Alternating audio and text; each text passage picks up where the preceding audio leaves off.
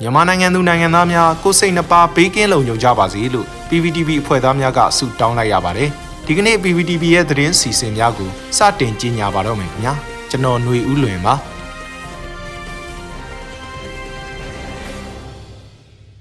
အခုပထမဆုံးအနေနဲ့အမျိုးသားညီညွတ်ရေးအစိုးရနိုင်ငံခြားရေးဝန်ကြီးဒေါ်စင်မအောင်ဥရောပမှာရှိတဲ့မြန်မာအရေးဒီဇိုင်းမမတ်ထောက်ခံသူများနဲ့ online conferencing စနစ်နဲ့တွေ့ဆုံဆွေးနွေးခဲ့တဲ့သတင်းကိုတင်ဆက်ပေးမှာဖြစ်ပါတယ်။ အမျိုးသားညီညွတ်ရေးအစိုးရနိုင်ငံခြားရေးဝန်ကြီးဌာနပြည်ထောင်စုဝန်ကြီးဒေါ်စင်မအောင်ဟာဒီကနေ့မနက်ပိုင်းမှာဥရောပမှာရှိတဲ့မြန်မာအရေးဒီဇိုင်းမမတ်ထောက်ခံသူတွေနဲ့ online ကတဆင့်တွေ့ဆုံခဲ့ပြီးမြန်မာပြည်တွင်းမှာလက်ရှိဖြစ်ပေါ်နေတဲ့အခြေအနေတွေနဲ့ပတ်သက်ပြီးပြည်ပနိုင်ငံတွေမှာရှိကြတဲ့မြန်မာအရေးထောက်ခံသူတွေကဘလို့ပံ့ပိုးကူညီနိုင်မလဲဆိုတဲ့နည်းလမ်းတွေကိုဆွေးနွေးခဲ့တယ်လို့သိရပါတယ်။အဆိုပါဆွေးနွေးပွဲကိုဂျာမနီ၊ပြင်သစ်၊ UK ၊ဆွီဒင်၊ နော်ဝေး၊ဖင်လန်၊နယ်သာလန်၊ဒိန်းမတ်၊ဆွစ်ဇာလန်၊ချက်သမရနိုင်ငံနဲ့စလိုဗက်ကီးယားနိုင်ငံတွေကမြန်မာအတိုင်းဝိုင်းတွေနဲ့မြန်မာအရေးစိတ်ပါဝင်စားသူတွေတက်ရောက်ဆွေးနွေးခဲ့ကြပြီးချက်သမရနိုင်ငံဆိုင်ရာမြန်မာကိုယ်စားလှယ်ဦးလင်းတန့်လည်းအဆိုပါဆွေးနွေးပွဲသို့တက်ရောက်ခဲ့တယ်လို့သိရပါတယ်။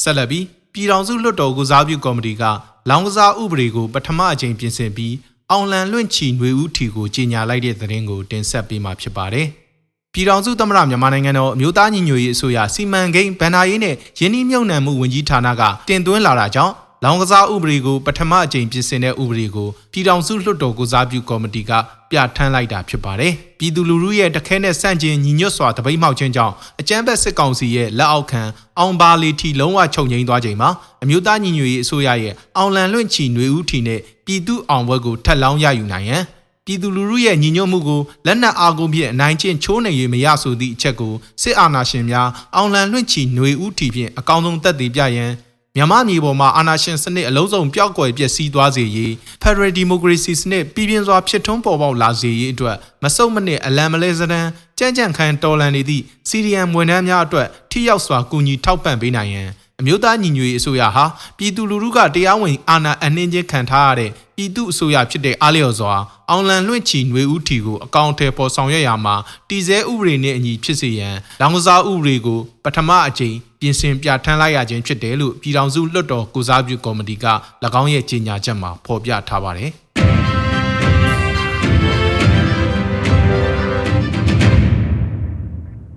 ဆလဘီ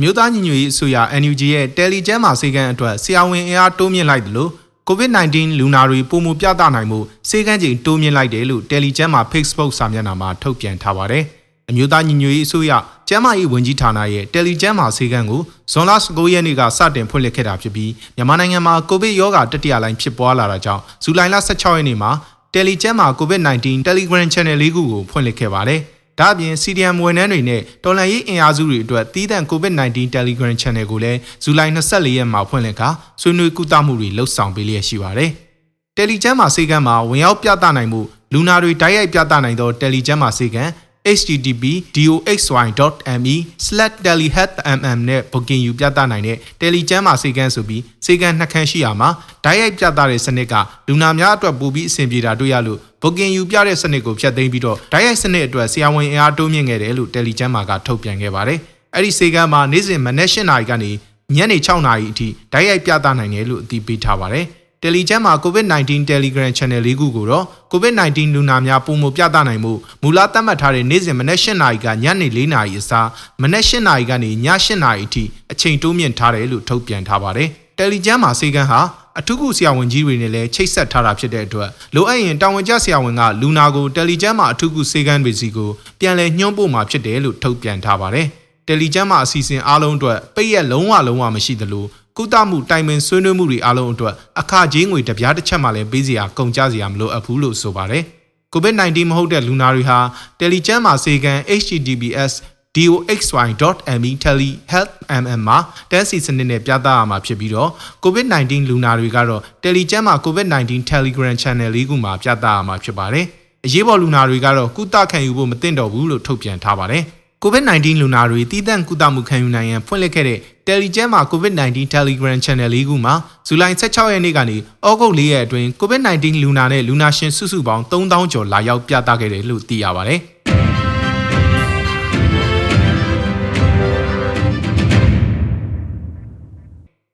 ဆဆက်လက်ပြီးမနက်ဖြန်8ရက်8လ2021မှာကြာရောက်မဲ့33နှစ်မြောက်တမိုင်းဝင်ရှစ်လေးလုံးလူလူဒီမိုကရေစီရေးတော်ပုံနေ့မှာ တောင်ကိုရီးယားရောက်မြန်မာနိုင်ငံသားတွေကအထိမ်းအမှတ်ပွဲကျင်းပကြမဲ့သတင်းကိုတင်ဆက်ပေးမှာဖြစ်ပါတယ်။မနက်ဖြန်8ရက်8လ2021မှာကြာရောက်မဲ့33နှစ်မြောက်တမိုင်းဝင်ရှစ်လေးလုံးလူလူဒီမိုကရေစီရေးတော်ပုံနေ့မှာတောင်ကိုရီးယားရောက်မြန်မာနိုင်ငံသားတွေကအထိမ်းအမှတ်ပွဲတစ်ခုကိုအွန်လိုင်းကနေကျင်းပပြုလုပ်သွားမယ်လို့သိရပါတယ်။အဆိုပါပွဲကိုတက်ရောက်နိုင်ရန်အတွက်တောင်ကိုရီးယားရောက်မြန်မာနိုင်ငံသားတွေနဲ့နိုင်ငံတကာရှိမြန်မာနိုင်ငံသားတွေကိုဖိတ်ကြားထားတာလည်းတွေ့ရပါတယ်။ပွဲချင်းမမဲ့အချိန်ကတော့မနက်ဖြန်8ရက်8လ2021 တောင်ကိုရီးယားစံတော်ချိန်နေ့လယ်2:50မိနစ်မှာ9နာရီအထိဖြစ်ပြီးလူဦးရေ900ဦးအထိပါဝင်နိုင်မယ်လို့သိရပါတယ်။ပွဲတွင်းဝင်ရောက်ရန်အတွက် meeting ID နဲ့ passcode တွေကိုပေးထားပြီးအဆိုပါပွဲကိုစစ်အာဏာသိမ်းမှုစန့်ကျင်ရေးကော်မတီကိုရီးယားကကမကထပြုပြီးတောင်ကိုရီးယားအခြေစိုက်မြန်မာအဖွဲ့အစည်းတွေစုပေါင်းစီစဉ်ကြတာလို့သိရပါတယ်။ အဆိုပါထိမ့်မှတ်ပွဲမှာအမျိုးသားညီညွတ်ရေးအစိုးရနိုင်ငံတော်သမ္မတဒူဝါလည်းရှိလာ88မျိုးဆက်ကောင်းဆောင်ဦးမင်းကိုနိုင်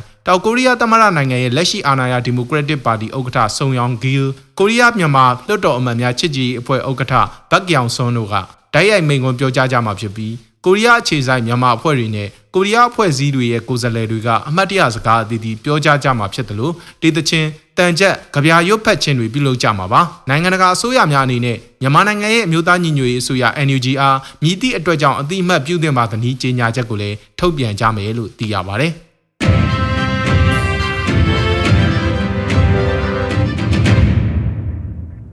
အခုနောက်ဆုံးအနေနဲ့ပြည်သူနဲ့တသားတည်းဖြစ်အောင်ကြိုးစားပြီးစစ်အာဏာရှင်ဖြုတ်ချရေးအတွက်လှုံ့ဆော်ကြဖို့ KNU တပ်မဟာ9တာဝန်ရှိသူဒုဗိုလ်မှူးကြီးစောက်ကလေတို့ကတိုက်တွန်းလိုက်တဲ့သတင်းကိုတင်ဆက်ပေးမှာဖြစ်ပါတယ်။ဖယ်ရယ်ပြည်ထောင်စုတည်ဆောက်နိုင်ရေးအတွက်ပြည်သူလူထုနဲ့တသားတည်းဖြစ်အောင်ကြိုးစားပြီးလက်ရှိစစ်အာဏာရှင်ဖြုတ်ချနိုင်ရေးကိုဝိုင်းဝန်းလှုံ့ဆော်ကြဖို့ KN မျိုးသားစီယုံ KNU တပ်မဟာ9ပြောရေးဆိုခွင့်ရှိသူဒုတိယဗိုလ်မှူးကြီးစောက်ကလေတို့ကပြောကြားလိုက်ပါတယ်။လက်တလော KNU တပ်မဟာ9ရဲ့မူတရောခရိုင်ဖာပွန်ခရိုင်အတွင်းမှာ အာနာသိန်းစစ်ကောင်စီကစီရေးလှုပ်ရှားမှုတွေလှုပ်ဆောင်နေကြတာနဲ့ပတ်သက်ပြီးရှင်းလင်းပြောကြားရမှာဒုတိယဗိုလ်မှူးကြီးစော့ကလတို့ကအခုလိုပြောကြားလိုက်တာဖြစ်ပါတယ်။ကျွန်တော်တို့ရဲ့တော်လန်ရေးအဖွဲ့အစာကလေးကရည်မှန်းထားတဲ့စစ်မှန်တဲ့ Federal ပြည်ထောင်စုမရရှိမချင်းဒါကတော့ကျွန်တော်တို့လက်လျှော့လို့မရပါဘူး။ဆက်လက်ပြီးတော့လှုပ်ဆောင်ရမှာပါပဲ။ဒါကြောင့်ပြည်သူတွေနဲ့တသားတည်းဖြစ်အောင်ကြိုးစားပြီးတော့လက်ရှိစစ်အာဏာရှင်ဖြုတ်ချနိုင်ရေးအတွက်ကျွန်တော်တို့အားလုံးဝိုင်းဝန်းပြီးတော့မှကိုတောင်ကိုနေရာကနေလှုပ်ဆောင်ဖို့တော့လိုတယ်လို့သူကပြောတာပါ။ လက်တလောဖြစ်ပွားနေတဲ့တိုက်ပွဲတွေရော်နေရက်တက်နိုင်ဖို့ဆိုရင်စစ်အာဏာသိမ်းအာဏာသိမ်းစစ်ကောင်စီအနေနဲ့ပြည်သူအာဏာပြည်သူထံပြန်အပ်ဖို့လိုတယ်လို့ဗိုလ်မှူးကြီးစောကလေတို့ကပြောပါတယ်စစ်အာဏာသိမ်းပြီးကတည်းကတိုက်ပွဲတွေဆက်တိုက်ဖြစ်ပွားနေတဲ့ဖာပုံခရိုင်မှာတော့စစ်ကောင်စီကတပ်စခန်းတွေတိုးချဲ့တာတွေအပြင်စစ်လေရင်တွေနဲ့ကင်းထောက်တာတွေပါလှုပ်ဆောင်လာနေတယ်လို့ KNU တပ်မဟာ9ကပြီးခဲ့တဲ့ရက်ပိုင်းကထုတ်ပြန်ထားပါတယ်ဇူလိုင်လအတွင်းမှာလည်းတိုက်ပွဲတွေဇက်တိုက်ဖြစ်ပွားခဲ့ပြီးတော့စစ်ကောင်စီတပ်ဖွဲ့ဝင်65ဦးသေဆုံးက100ကျော်ဒဏ်ရာရခဲ့တယ်လို့ထုတ်ပြန်ထားပါတယ် စစ်ကောင်စီကစစ်ရေးလှုပ်ရှားမှုတွေလုပ်နေသလိုတပ်မဟာ9ဘက်ကလည်းနယ်မြေဒေသကာကွယ်တဲ့အနေနဲ့တပ်ဖြန့်ထားမှုတွေရှိနေလို့ထိတွေ့မှုတွေခဏခဏဖြစ်နေတာလို့ဒုဗိုလ်မှူးကြီးစော့ကလတို့ကပြောပါတယ်တိုက်ပွဲတွေဖြစ်တိုင်းစစ်ကောင်စီကလက်နက်ကြီးတွေနဲ့ပစ်ခတ်ခဲ့လို့ဒေသခံပြည်သူတွေရဲ့နေအိမ်ပစ္စည်းတာတွေဒေသခံတွေထိခိုက်ဒဏ်ရာရတာတွေရှိခဲ့တယ်လို့သိရပါတယ်ခင်ဗျာရေတော်ဘုံအောင်ရမည်ရေတော်ဘုံအောင်ရမည်